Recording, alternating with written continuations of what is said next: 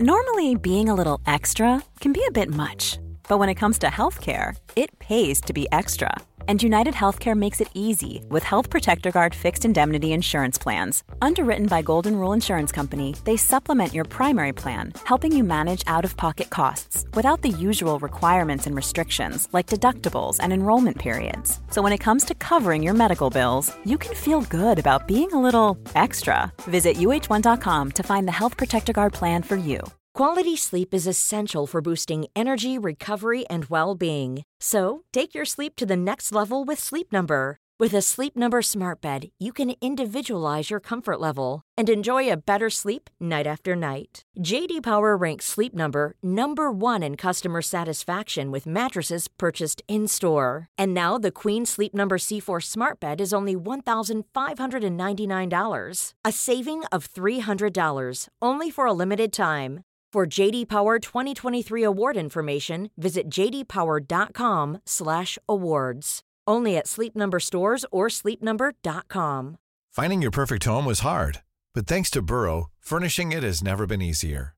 Burrow's easy-to-assemble modular sofas and sectionals are made from premium, durable materials, including stain and scratch-resistant fabrics. So they're not just comfortable and stylish; they're built to last. Plus, every single Burrow order ships free right to your door. Right now, get 15% off your first order at burrow.com slash ACAST. That's 15% off at burrow.com slash ACAST.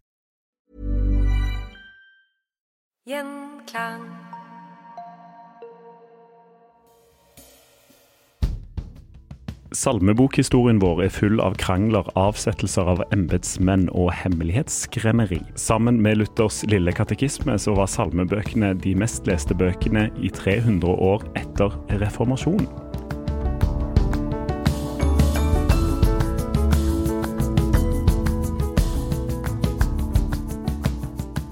Velkommen til historier som endret Norge. Mitt navn er Kristian Gilsvig. Salmeboken har forma samfunnet vårt på en måte det er vanskelig å forestille seg. Det skrev dagens gjest på en mail til meg.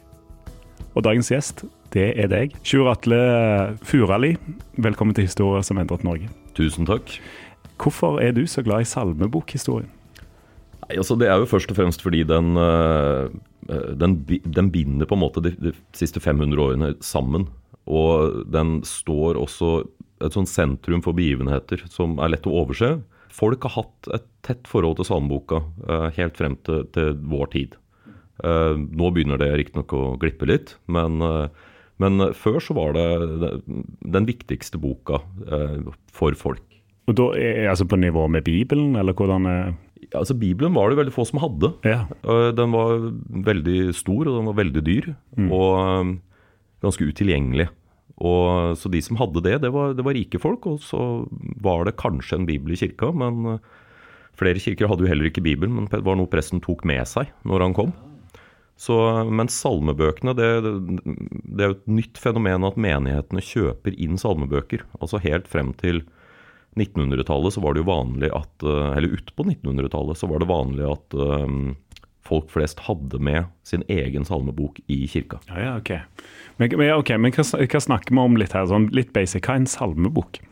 En salmebok er jo en samling av salmer, eller hymner, da, som er egentlig den korrekte betegnelsen, vil mange mene. Ehm, de nordiske landene, altså Norge, Sverige og Danmark, er jo litt særegne på at de kaller dette for salmer. I alle andre land omtrent så er det hymner som er betegnelsen. Hva er liksom formålet med salmeboken?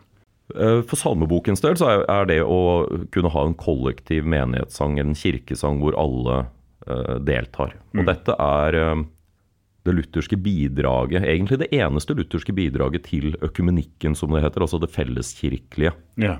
Så, så, er det Ute i verden så er det salmesang eller hymnesang som, som lutheranere først og fremst er kjent for. Mm, mm. Når du skriver i, i, mail til meg om, om at det har vært eh, avsettelser av embetsmenn og hemmelighetsskriveri og krangler og sånt, hva er disse interessene rundt salmeboken? Hvorfor oppstår dette? Det har å gjøre med at uh, en salmebok inneholder nyskreven teologi, kan du si. Ja. Sånn at en salme vil alltid være en forhandling om teologi. Og hvor teologien skrives frem på nytt. Og noen salmer står da veldig trygt i det klassiske. Men så har du nye salmer. Det er alltid en mulighet for at en ny salme utfordrer teologiens grenser. da, At det Ja. pushes. Eller at man formulerer tro på en ny måte. Hvor starter på en måte den eh, norske salmebokhistorien? da? Den starter jo i Danmark, fordi vi var i union med Danmark. Også De første salmene kommer fra Tyskland til Danmark. Og det starter i 1524 i Tyskland med en, eh, med en bok som heter Acht Liederbuch. Altså um, De åtte, åtte sangers bok. Og, og den er det Martin Luther som utgir. Det er åtte salmer, lite hefte. Eh, dette sprer seg til Danmark med studenter som da er i Wittenberg bl.a. og andre, andre læresteder, som tar med seg dette til Danmark. Og da er det særlig Viborg og Malmö, som da var en del av Danmark, og Haderslev, som, eh, som er i Nord-Slesvig, som er eh, liksom de kjernestedene. På midten av 1520-tallet så har du noe som kalles for Haderslev-reformasjonen. Og det er da hertug Kristian som blir Kristian 3., som da gjennomfører en egen reformasjon i sitt eget lille eh, hertugdømme. Eh, og her oppretter han en presteskole hvor det kommer en, eh, en rekke reformvillige prester for å lære om lutherdommen.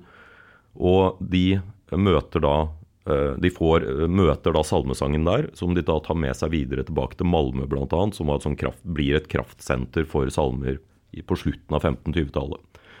I Viborg så har du en litt annen reformasjon, for det som skjer i Haderslev er jo en fyrstereformasjon, hvor reformasjonen kommer ovenfra, mens i Viborg så er det en predikantreformasjon, hvor prestene går rundt og da etablerer aftensang, som jo egentlig som de hadde med seg fra det katolske klostervesenet. For dette var jo tidligere munker. Ja. Da dette er en ganske sånn særegen ting i Danmark òg, at de etablerer en, eh, en aftensangstradisjon hvor de synger metriske salmer, eller hymner, som, eh, som, de, eh, som er gjendiktninger av ting, eller nyskrevne salmer. Eh, Og etter hvert så, så sprer dette seg ut, utover hele Danmark. Og allerede i 1528 så får du den første danske salmeboken. Og den eh, har ikke noe navn, og den fins ikke lenger. Nei. Eh, Men den trykkes i Malmö. Og i 1529 så kommer det en revidert utgave, eller en oppdatert utgave. Så man vet sånn cirka hvilke salmer som var der. ja. Um, for man la gjerne bare til på slutten, sånn mer eller mindre. Um, og så kommer det en ny en i 1533, og det, er, um, det er liksom de første, første salmebøkene. Og det, her er det veldig lite konflikt om salmebøkene, fordi her vokser de den ene bare ut av den foregående. Så man kritiserer på en måte ikke det gamle, man bare bygger videre på det. Det som er interessant med salmehistorien her, er at det starter som en opprørssang. Protestanter ville gå inn i katolske messer og avbryte dem med, med å gaule eh, protestantiske salmer. salmer ja. i, i ren protest. ja, så gøy. Så de, bruk, ja, de brukte salmesangen eh, nesten som for å terrorisere altså Ja. det, det bestående, altså det som, det som var det, det etablerte. da. Og for eksempel så 6. mai 1524 så eh, sel, står det en fyr på torget i Magdeburg og selger to Luther-salmer som han har trykt opp. Og han blir arrestert Ja. for oppvikleri. Han står også og synger dem, og så selger han de etterpå. Det var nok ikke noe uvanlig at folk ble arrestert for oppvigleri eh, av ymse sort. Men det som skjer i Magdeburg, er at borgerne blir ekstremt provosert. De blir kjempesinte, og mannen må settes fri. Og Det viser Man skal jo ikke si at der starta det, men, men det viser hvor, hvordan eh, på 15, 19 av 1520-tallet, når reformasjonen liksom har kommet i gang, så treffer dette en nerve hos folk. Og det blir sett på som urimelig, og, og at folk ikke skal ha den friheten til å synge de salmene man vil. Ja. Og det er også interessant at den, det som regnes i dag som en humanistisk sang, den 'Min tanke er fri', Ja. var jo en protestantisk vise. Ah, ja. Som handlet nettopp om at de skulle få lov til å tro som de ville. Når får nordmenn salmeboken inn? Ja, altså i, I Norge så var jo Norge var jo katolsk helt frem til, eh, til 1536-1537. Og, og veldig mange steder mye lenger enn det òg. Katolisismen sto mye sterkere hos folk. eh, dermed så kommer eh, Så har du heller ikke disse Du har ikke noen sånne sentra i Norge hvor det, hvor det skrives og produseres salmer. Og man hadde jo heller ikke noe trykkeri i Norge. Nei. Um, Det er jo en av grunnene til at Malmö blir viktig, fordi det faktisk fins en trykkpresse ja, der. Mm. Eh, men i Norge så får man uh, Tommysønns salmebok i 1553. Hans Tommysønn. Før det så hadde man jo også um, gudstjenester, eller gudstjenestemanualer, kan man nesten kalle det, hvor, hvor det sto, uh, sto, hymner, var liksom flettet inn og sto der. Uh, og så lærte man dette utenat ved at du hadde en som sang Klokkeren eller presten sang én linje, og så gjentok menigheten den neste linjen. Og sånn gikk det, så tok det jo dobbelt så lang tid å synge. Men så måtte man gjøre det i starten til, til folk kunne det, for det, de færreste kunne jo lese, og i hvert fall ikke lese fort nok til å kunne synge det. Og, og dessuten så var det jo dyrt. Men um, i, i, Norge så, så, får du da denne Tommysønns salmebok, men du får også noe som heter Jespersøns graduale Nils Jespersøn. Han, han, som egentlig får oppdraget først, men så er han litt treig. Og så, så er det Hans Tommysønn som kommer han i forkjøpet. Og Hans Tommysønn var også en veldig god eh, redaktør. Og han, det er han som han lager salmebøkene Han lager en ny form for salmebok. Fordi i de nevnte Malmö-salmebøkene så startet man med uh, tidesang. Altså disse aftensangene og mm. morgensalmer. Og dette står veldig sterkt i Danmark fortsatt. Um, men, men, der startet man, og så hadde man liksom tidesangen først. Og så var det alminnelige salmer, og så var det jul og påske. Uh, og det var liksom inndelinga. Og så hadde man et diverse til slutt, da, som mm. man liksom kunne bruke til andre ting. Men de var bare samlet i en sånn diverse kategori. Hans Tommesønn han, han lager et helt nytt system. og begynner med Kristi komme, altså advent, og så er det Kristi fødsel, Kristi person, Kristi, Kristi pine og død, Kristi oppstandelse og Kristi himmelfart. Begge disse salmebøkene er i bruk, men Jespersens var nok mest i bruk i byer hvor man hadde latinskoler, fordi han, han eh, har med en del latinske liturgiske ledd og latinske salmer. Så latinen også bevares gjennom denne salmboken. Ja. I, I Malmö-salmebøkene så var det helt borte. Det var det, ja. Og det, det var ganske interessant, for det, det, var nok ikke tilfeldig at de liksom avskaffet helt latinen. Men så kommer den inn igjen fordi at man hadde latinskoler, og at latin var jo som et flott språk, og det var forbundet med status. Så i den, i den eh, kongelig ordinerte salmeboka, eller den kongelig autoriserte salmeboka som Jespersen var, så Jespersens graduale var, så, så er det latin bevart. Hvor mange var det da som hadde disse bøkene? Det var ganske få. Uh, I hvert fall på, på slutten av 1500-tallet. Og da var boktrykkerkunsten var fortsatt forholdsvis ny. Uh, knappe 100 år. Ja. Og, og, det fantes trykkpresser bare i Danmark, så i Norge så var det veldig få som hadde det. Men uh, prestene hadde det jo. Og, og, så da, da, brukte man den undervisningsteknikken, ikke sant. Så var det sånn at kirke Også søndagen var Eh, en ekstremt viktig dag for alle i uka. Da jobbet man ikke, med mindre man måtte ta seg av dyr. Man møttes til kirke. Man hadde marked på Kirkebakken. Eh, Kirkebakken var også offentlig kunngjøringsplass. Man fikk nyheter. Dette er jo også et, interessant uh, Dette var sånn nyheter spredte seg i Norge. For man hadde jo ikke trykkefrihet, men postvesenet, eller postmenn, skrev av aviser eller trykte ting. Ah, ja. kun, eller, eller, rykter. Eh, kopierte hverandres, og så solgte de det da de gikk med post. Eh, man har noen sånne brev, ett brev bevart fra 1600-tallet eh, som da varsler om at eneveldet er i ferd Altså at København er blitt befestet. Så det, to uker senere så når det opp i Gauldalen et eller annet. Så, ja. så forholdsvis raskt spredning av nyheter. Men, eh, men, det var også skole. Altså etter, etter, gudstjenesten så skulle barna være igjen i kirken, og så skulle de lære uh, katekismen, og så lærte de salmer.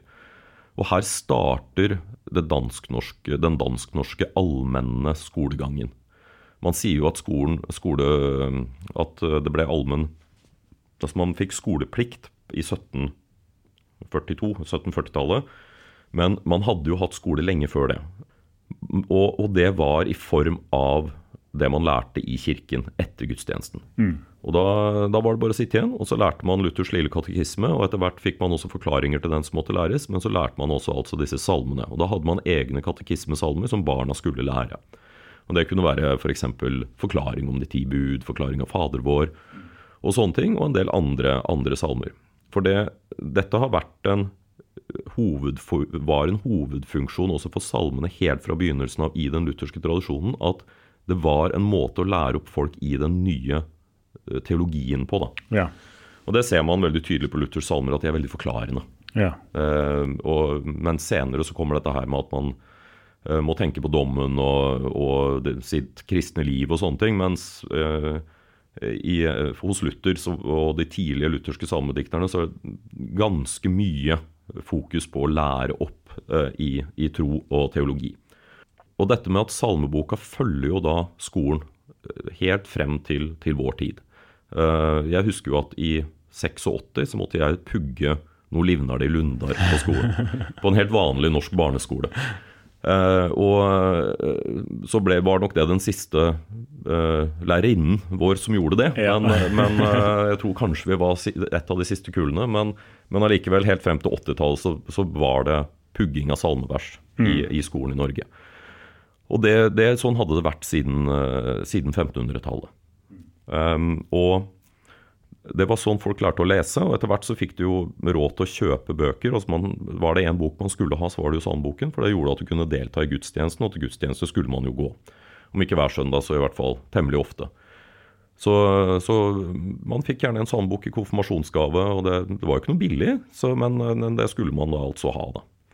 Og gjennom 1500- og 1600-tallet så kommer det forskjellige salmebøker, og det- blir, det blir mange av de. Og så vokser det fram da et ønske om å ha én salmebok. Ja, det, det vokser, nok, vokser nok ikke frem et ønske blant folket om det, men det er kongen som krever det. Ja, okay. Nå er vi i, i, hos Kristian 5., og han, han eh, er jo den første kongen som eh, salves til eneveldig konge. Så hans far Fredrik 3. hadde innført eneveldet under sin regjeringstid. Og så, og så kommer da Kristian 5., som er liksom oppdratt til å bli enevoldskonge. Han er jo, det er han som da sørger for at vi får danske lov og norske lov. Eh, og eh, han begynner også med en ny bibeloversettelse, men det, det var så ambisiøst prosjekt at det klarer han aldri å ferdigstille. Det skal være én sandbok som kongen har autorisert, og ferdig, ferdig med det, og bare den som skal brukes. Og det skjer vel uten dramatikk når kongen bestemmer alt, eller? Ja, det, det, det skulle man jo tro, men det er da Thomas Kingo som får denne oppgaven. Ja. Og, og han får den i, eh, på slutten av 1680-tallet, og Uh, han blir ferdig med den forholdsvis fort. Så 15, nei, fem- 25. januar i 1690 så autoriseres det som kalles da uh, vinterparten. Han, han ville lage to salmbøker, en for vinterhalvåret og en for sommerhalvåret. Uh, men her, her er det en del penger i omløp. Fordi at uh, Kingo hadde jo fått et privilegium, kongelig privilegium til å trykke og selge denne salmboken. Og det var, det var et langt privilegium. Unormalt lenge skulle han få sitte på disse rettighetene. Og dette gjør han sammen med kansellisekretær Bolle Luxdorf, nok uten, eller, uten at kongen helt får med seg hva som skjer. Og så får fiendene til Luxdorf ferten i det her. Da er det over. Eh, Og da har man plutselig en bok som er besudlet med juks og fanteri. Og da kan ikke den brukes. Og, og det som da skjer, er at uh, boka rett og slett bare kasseres. Og så må Kingo begynne om igjen. Da, men da, vil, da skal det være én bok, får han beskjed om. Og kom, den kommer ikke før i 1699. Uh, Her er det åpenbart uh, vært en hel del eh, problemer, og denne Bolle Luxdorf avsettes jo da. Ja. Av denne salmboken.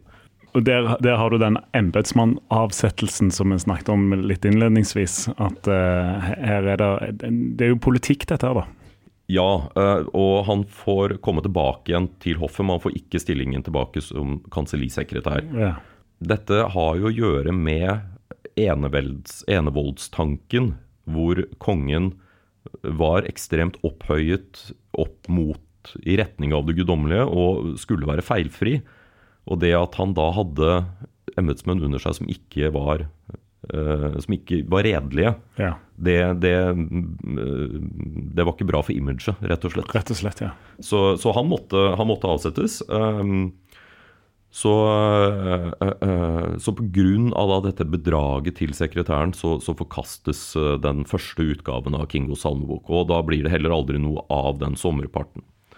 Så, så kan man på en måte være glad for den, for at der var det Hver gudstjeneste hadde da sine salmer. Eh, Så man, man strukturerte dette kirkeåret, og så skulle hver preke altså Man skulle ha innledning til evangelieteksten, eller om det var prekenen, en, en, et sånn salmevers. Og det, som Han skrev jo bare nye til hver, og det var jo greit nok, men det gikk jo alltid på samme melodi. Så det ville jo blitt ulidelig kjedelig.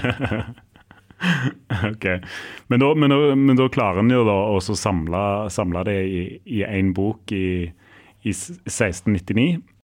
Og da er det ikke så lenge før han dør. Eh, men han rekker, den, eh, han rekker vel å få den ferdig, mm. men, eh, men, bare så vidt.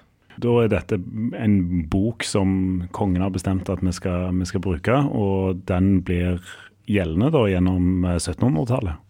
Ja, og i uh, hvert fall langt på vei. Uh, til ganske langt ut på 1700-tallet. Og den, ja, den fortsetter etter det òg, for det blir uh, ikke forbudt å bruke Kingo, men i um, 1777 så setter man i gang et arbeid med da Gullberg salmebok, som den er blitt omtalt. Man har hatt Pontoppidans salmebok. Også det her liksom, Han er pietismens fremste representant i liksom de kirkelige skriftene. Og, og, han lager også en salmebok som, som, avvek, som, kan brukes ved siden av Kingos. Men, men, folk likte Kingo veldig godt. Men den er stappfull av mystikk, og som er, kjennetegner eh, Kingo veldig. Også, dette er liksom barokken, og det er mye eh, sånn mye, mye blod, mye, mye, smerte, lidelse. Det, det er fargerikt og, og, og, veldig, veldig mystisk. Pontoppidans salmebok var jo en pietistisk salmebok, men på 1700-tallet så kom jo opplysningstida. Og så begynner det, man, man, Nå vet man at det fins mange planeter, uh, og at universet er stort, og at det begynner å demre for folk at jorda ikke er 6000 år gammel. Ja. Og da men man vet at her kommer det til å bli bråk. Så kongen oppnevner en hemmelig salmebokkommisjon. Men det er det da biskop Harbo og minister Gullberg som gjør. Og Gullberg han var eh, den som sto tettest på kongen, og han fungerte litt sånn som at han satt og skrev brev til seg selv i kongens navn, og så Uh, og så svarer han uh, seg selv. Og, og det, som da, uh, det, som da, skjer, er at han oppnevner en hemmelig salmebokkommisjon bestående av seg selv og biskop Harbo. Og, de, og denne, denne salmebokkommisjonen setter i gang å, å jobbe, og, og, det er jo da Gullberg i praksis. Og, her kommer også en av de fremste kvinnelige salmedikterne. Da er det Birgitte Boie, som fortsatt har eh, Hun er eh, høyst til stede i, i, den norske salmeboka vår fortsatt, eh, med tre salmer. Og det er disse høytidsversene som, som synges da på førstedagene. Mm. I, I, Gullberg så hadde hun over 140, tror jeg.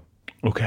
Tror, og, og hun, hun, setter liksom en ny standard for hvordan man, hvordan man snakker om, om Gud. Hos Birgitte Boje og i Gullbergs salmebok så ser du en bevegelse mot opplysningstiden. Men uh, bare, bare, noen år etterpå uh, så, så, kommer evangelisk kristelig salmebok. Og den ble gjenstand for ekstremt mye kritikk. For her er man ved uh, store gjennombruddet for rasjonalismen. På dette tidspunktet så synd, begynner kristen tro å være litt pinlig. Okay. fordi den ikke henger i hop med verdensbildet lenger. Og nå må man huske at gjennom helt liksom tilbake til kirkens begynnelse, så, så, hadde jo det vært en ganske sånn sterk koherens eh, mellom eh, hvordan man forsto verden, altså kosmologien, og den kristne tro. Mm. Og så begynner dette å rakne fullstendig på 1700-tallet. Ja. Og eh, prestene blir rett og slett, teologene blir ille berørt. Ja. Og man, man må skrive om ting. Da begynner man rett og slett å, å redigere ting fra hverandre. Hei, Christian fra Historier som verden her. 7. til 21. mars inviterer Universitetet i Oslo til festivalen Inn i historien. Det blir samtaler, foredrag, filmvisning, byvandring og mye mer. Lurer du på hva som skjer i Russland, så er det bare å komme på gratis frokost i Domus biblioteka den 12. mars. 20. mars snakker bl.a. Peder Kjøs på Deichman Grünerløkka om følelser før tiden og nå. Det er masse sånt gøy som skjer. Og faktisk skal jeg ha ikke bare én, men to livepoder. 12. mars klokken seks på Deichmanske Romsås skal jeg snakke med Kjerstin Aukrust om det franske kolonirikets fall, hvor det gikk fra å være verdens nest største kolonirike til å miste alt i løpet av bare et tiår. Dagen etter, 13. mars, også klokken seks, skal jeg snakke med Anders Bettum om da Europa ble så vanvittig opptatt av pyramider og mumier at det bikket over i egyptomani. Dette er da på Deichmanske Nordtvedt. Dette blir kjempegøy, og det er utrolig mye bra på plakaten. Sjekk ut hf.uio.no, eller Google inn historien, så finner du hele programmet. Og du, alt er gratis. Normally, being a little extra might be a bit much, but not when it comes to healthcare. That's why United Healthcare's Health Protector Guard fixed indemnity insurance plans, underwritten by Golden Rule Insurance Company, supplement your primary plan so you manage out of pocket costs. Learn more at uh1.com. Quality sleep is essential for boosting energy, recovery, and well being. So, take your sleep to the next level with Sleep Number. With a Sleep Number smart bed, you can individualize your comfort level and enjoy a better sleep night after night. JD Power ranks Sleep Number number 1 in customer satisfaction with mattresses purchased in-store. And now the Queen Sleep Number C4 smart bed is only $1,599, a saving of $300 only for a limited time. For JD Power 2023 award information, visit jdpower.com/awards. Only at Sleep Number stores or sleepnumber.com. Altså Gullbergs håndbok den, den, hadde, den sto i opposisjon til, til både da Kingo og eh, Pontoppidans. Men eh, hos Kingo så er det, det er et veldig grovt språk. Det, det, er, liksom, det er, brutalt, og det er sånn, eh, mye patos og, og, Mye farger. Veldig mye farger. Ja. Mye kropp og kroppsvæsker og ja. all, hele pakka, liksom. Uh, I pietismen så grenser man liksom over til det uanstendige, syntes man uh, mot slutten av 1700-tallet. I, I, denne salmen mitt, 'Mitt hjerte alltid vanker', som, som, er en veldig populær Brorson-salme den dag i dag, mm. så, så, er jo da den siste linjen redigert bort, hvor det sto da om å få kysse Jesu rosenrøde munn. Mm. Uh, og dette, dette var en sånn dyp brudmystikk som, som var veldig populært uh, blant de tidlige pietistene. Men dette vil man ha bort, og man vil ha en mer anstendig form for kristendom, som man fikk da med Gullberg. Og så, så Da lager man da altså Gullbergs salmebok, som den ble kalt. Uh, det uheldige er at denne, hele dette opplaget ligger lagret på Weissenhuset i, i Danmark, i København. Uh, og så sendes den riktignok til Trankebar, altså norske, den, den dansk-norske kolonien i India, og, og på eh, St. Thomas i, i Karibien. Og, um, så man rekker å få den litt ut, men så brenner Weissenshuset ned. Med hele opplaget. Ja. Og, og, ja, jeg tror det, det, det Førsteopplaget var på over 90 000 bøker. Mm. Hvor mange av disse som brant, det er jeg ikke sikker på, men de, de rakk i hvert fall ikke å få den ut til noe særlig mange menigheter i Danmark. Men de rakk å få den på båt og sende ja. det av gårde. Så, så, lager man Men man var liksom ikke fornøyd med Gullbergs heller. Fordi den, den var allerede litt utdatert da ja. den kom. Ja, ikke sant? Så, så, man setter da i gang med dette evangelisk kristelige salmebok, som er denne eh, tørre, rasjonalistiske kristendommen, hvor man vender tilbake til Aristoteles og dydene. Og, og for Man skulle ikke tro lenger fordi at det var ikke oppstandelsen og mysteriene i kristendommen som var det viktige lenger. og Det var ikke det å delta i nattverden fordi du liksom pga. realpresens og sånn. Disse tingene ble vanskelig å forklare. Så man går tilbake da til dydene, og man får en ekstremt moralistisk kristendom. Mm. Så gamle pietistiske Man har skriftlige kilder hvor Eh, gamle pietistiske biskoper kritiserer nyutdannede unge prester for å være for moraliserende. Så, så man får en, en veldig sånn eh, blodfattig kristendom, kan man beskrive det som. Danmark-Norge det blir jo oppløst ved 1814. Det er jo et sentralt eh, skille her. Hvordan påvirker det salmeboken og dens rolle i, i det nye norske samfunnet? da?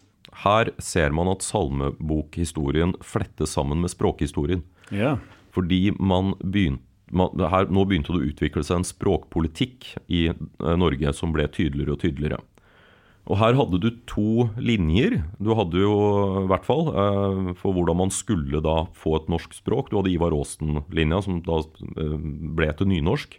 Mens eh, så har du da den såkalte Knut Knutsen-linja, eh, hvor man beholder det, den danske strukturen i, i språket, men, men, bytter ut med uh, bytter ut ord. Mm. Uh, dette var um, Landstads prosjekt, da. Det, det, var sånn han jobbet. Han ville fornorsket salmespråket ved å hente inn nye norske ord og uttrykk. Men problemet var at uh, dette, dette, forsøket ble liksom uh, Det ble raskt overgått. Altså, så det, han fikk nok ikke den helt store betydningen for språket som, som han kunne ha fått. Men Landstad får dette oppdraget i 1861, og dette får da uh, Andreas Hauge, Hans Nilsen Hauges eneste sønn, han får ferten i dette og begynner på sitt eget prosjekt. Og hvorfor gjør han det? Landstad hadde gitt ut uh, folkeviser, så de var redd for at dette skulle bli for verdslig. Så også var jo også Hauge representant for lekfolket, og han, da får man også da Hauges salmebok. Og fortsatt har man Hauges salmebok i en del frikirker i, i Norge, og dette navnet Hauge, det, det, hadde jo en egen autoritet. Men da har man plutselig to salmebøker i Norge. Og, og hva skal man da gjøre? Fordi at Hauges salmebok var jo veldig populær. Og her har man faktisk starten på menighetsrådet. Mm. På den tiden så fant det var det en embetsmannskirke. Man hadde ikke, hadde ikke noe særlig bestemmelsesrett, i, demokratisk bestemmelsesrett i kirken. Men i 1873 så oppretter man da menighetsmøte, hvor, man, hvor menigheten skal komme, antageligvis bare de voksne menn, eh, skal komme og si sin mening og bestemme hvilken salmebok man skal ha. Så, så her ser man at uh, salmebokhistorien også får en stor betydning for, for kirke, kirkestrukturen. Ja. Landstads salmebok den kommer i 1869. I 1869 så bor det 1,7 millioner mennesker i Norge. I 1925 så er det 2,7 millioner. I denne perioden på 55 år så trykker man 3,5 millioner salmebøker. Så det, det, var et enormt forbruk. Og, og, dette var også før kirkene begynte å kjøpe inn, menigheten begynte å kjøpe inn bøkene selv. Ja, Så dette er privatpersoner som har Dette er i all, all hovedsak privatpersoner. Ja. Også, den må jo ha hatt en enorm påvirkningskraft på folkesjela, ja, rett og slett. Eh, dette var den boka man hadde. Man hadde ikke råd til å kjøpe så mye annet. Eh, på 1860-tallet så kommer det en eh, ny lov og, som er veldig viktig for skolevesenet. og Før det så har jo salmeboken stått sentralt i undervisningen. Men eh, nå kommer P.A. Jensens lesebok og folkeeventyr kommer inn, og det er jo stor debatt rundt den. Men hvordan men det du beskriver nå, er jo at salmeboken egentlig nesten styrker seg i årene etter her. Ja, det, det gjør den. Da loven om allmueskolen kommer i 1860, så skaper jo det et vanvittig rabalder. Og, og, her får man jo da Norges første frikirke, mm. Jarlsbergerne, som blir den evangelisk-lutherske frikirke. Og, og de, de, bryter ut uh, fordi man ikke De vil ikke at man skal lese skjønnlitteratur i skolen. Ganske Nei, enkelt. Man skal ja. lese Bibelen, og man skal ha salmeboka og katekismeforklaringen. Ja, salmeboken styrker seg nok Eh, betraktelig. Det er, det er, blitt billigere å trykke, mm. så det, den blir lettere for folk å, å, kjøpe. Og man har endelig fått en norsk salmebok. Og det, disse, tingene må, her må man, eh, disse tingene må man holde sammen. Fordi eh, dette handlet ikke bare om en fromhet. Det handlet om at vi hadde fått en norsk salmebok uh, med et norsk språk etter å ha bare hatt danske salmebøker. Og det må jo ha vært uh, en stor begivenhet. Og så man regne med at man trykte 80 000 salmebøker i året. Og, og, det skulle da bli om, om, rundt om 3,5 millioner da på, på, på 55 år. Eh, og denne boka kom i 200 opplag. Jeg har ingen tro på at dette handlet om at folk var unormalt glad i salmer. Dette var en, en del av den norske uh, Det var en del av nasjonsbygginga, rett og slett i 18, 1892 så, så, kommer eh, Så blir da Blikks Blix egen salmebok 'Nåkre salmar' autorisert. Og Det betyr at Blix-salmene ble autorisert til bruk i gudstjenesten. Fordi at det var ikke lov til å synge noe annet enn det som sto i salmeboka i kirka. Blix hadde, hadde, high standing, kan man si, i samfunnet. Han, han hadde jo vært kirkestatsråd. Uh, og, og målsaka, det var en, en, stor og viktig debatt. Men fra 1903 så inneholder alle Landstads kirkesalmbøker Blix salmer. Så der er det et, et skille, da. Hvordan har salmeboken endra Norge? Hvis vi ser hvordan salmeboka har endra Norge etter løsrivelse, eller etter, eh, etter 1814, så har du at du får et, uh, et slags førdemokrati som, som, kan kobles direkte til valg av salmebok. Og, og målsaka, altså språket, det norske språk, uh, drives også frem av, av salmebøkene. Den har en viktig posisjon der, selv om den kunne nok ha fått mer å bety enn den gjorde hvis ting hadde utspilt seg litt annerledes med Landstads salmebok. Den har, har, også, hvis du går helt tilbake til reformasjonen, så ha, var den starten på skolevesenet. Eh, sammen med katekismen, eh, Luthers lille katekisme og katekismeforklaringene. Dette var sånn man lærte å lese. Og hadde en mye større innvirkning på folks liv enn Bibelen, vil jeg si. Disse, også katekisme, katekismen og salmeboka sammen. Det var det man hadde tilgang på. Så, så ja, salmeboka har endra Norge i en utrolig grad, egentlig. Men den er hele tiden litt sånn skjult og ligger under.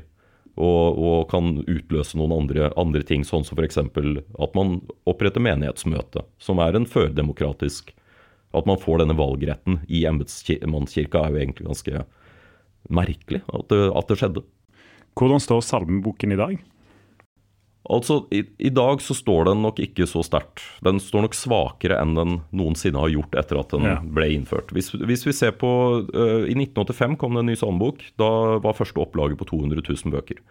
I 2013, når vi fikk den siste salmeboken, så var første opplag på 40 000.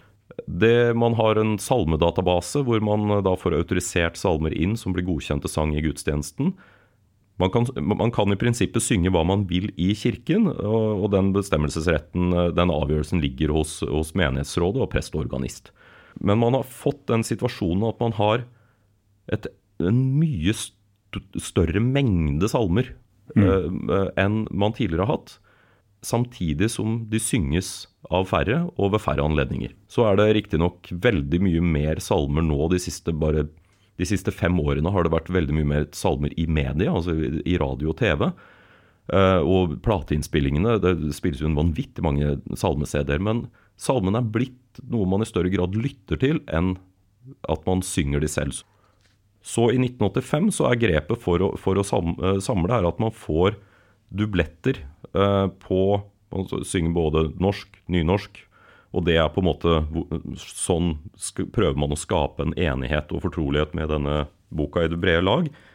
Mens i 2013 så, så er det nok mer uh, at alle skal finne noe gjenkjennelig i salmboka. Nå får man veldig uh, mange salmer på, på sam, forskjellige samiske språk. Uh, og svensk tekst kommer inn, og engelske salmer. Og det, det, var også en bok det var mye diskusjon rundt. Da utkastet kom i 2008, så var det jo med til ungdommen f.eks. Da, da vil man gjerne ha med den, men det, det er jo på ingen måte en lovsang til rettet mot Gud. Så her, her, var det sterke krefter i og utenfor kirken som ville, ville ha den eh, ut, da. Mm. Mm. Og den er ikke med i dag? Den er ikke med i dag. Den, eh, og, men i dag så brukes ja, Sanner er fortsatt gjenstand for diskusjon. Det er jo nesten ikke, Man får jo nesten ikke julefølelsen uh, uten at man overværer en debatt om 'Deilig er jorden' kan synges i offentlige sammenhenger. Ikke sant. Sjur Atle Furali, takk for at du tok deg tid til historie som endret Norge i dag. Tusen takk for at jeg fikk komme.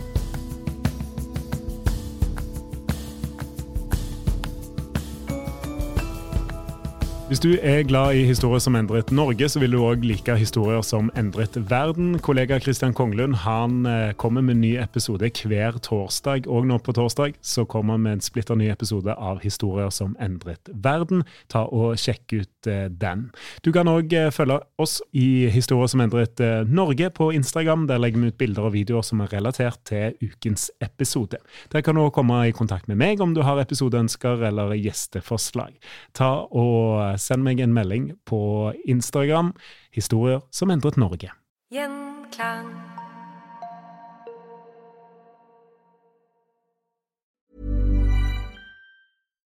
Botox Cosmetic, out of botulinum toxin A, FDA approved for over 20 years. So, talk to your specialist to see if Botox Cosmetic is right for you.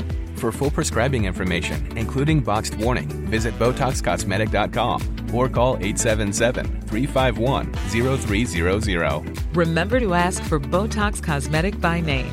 To see for yourself and learn more, visit BotoxCosmetic.com. That's BotoxCosmetic.com.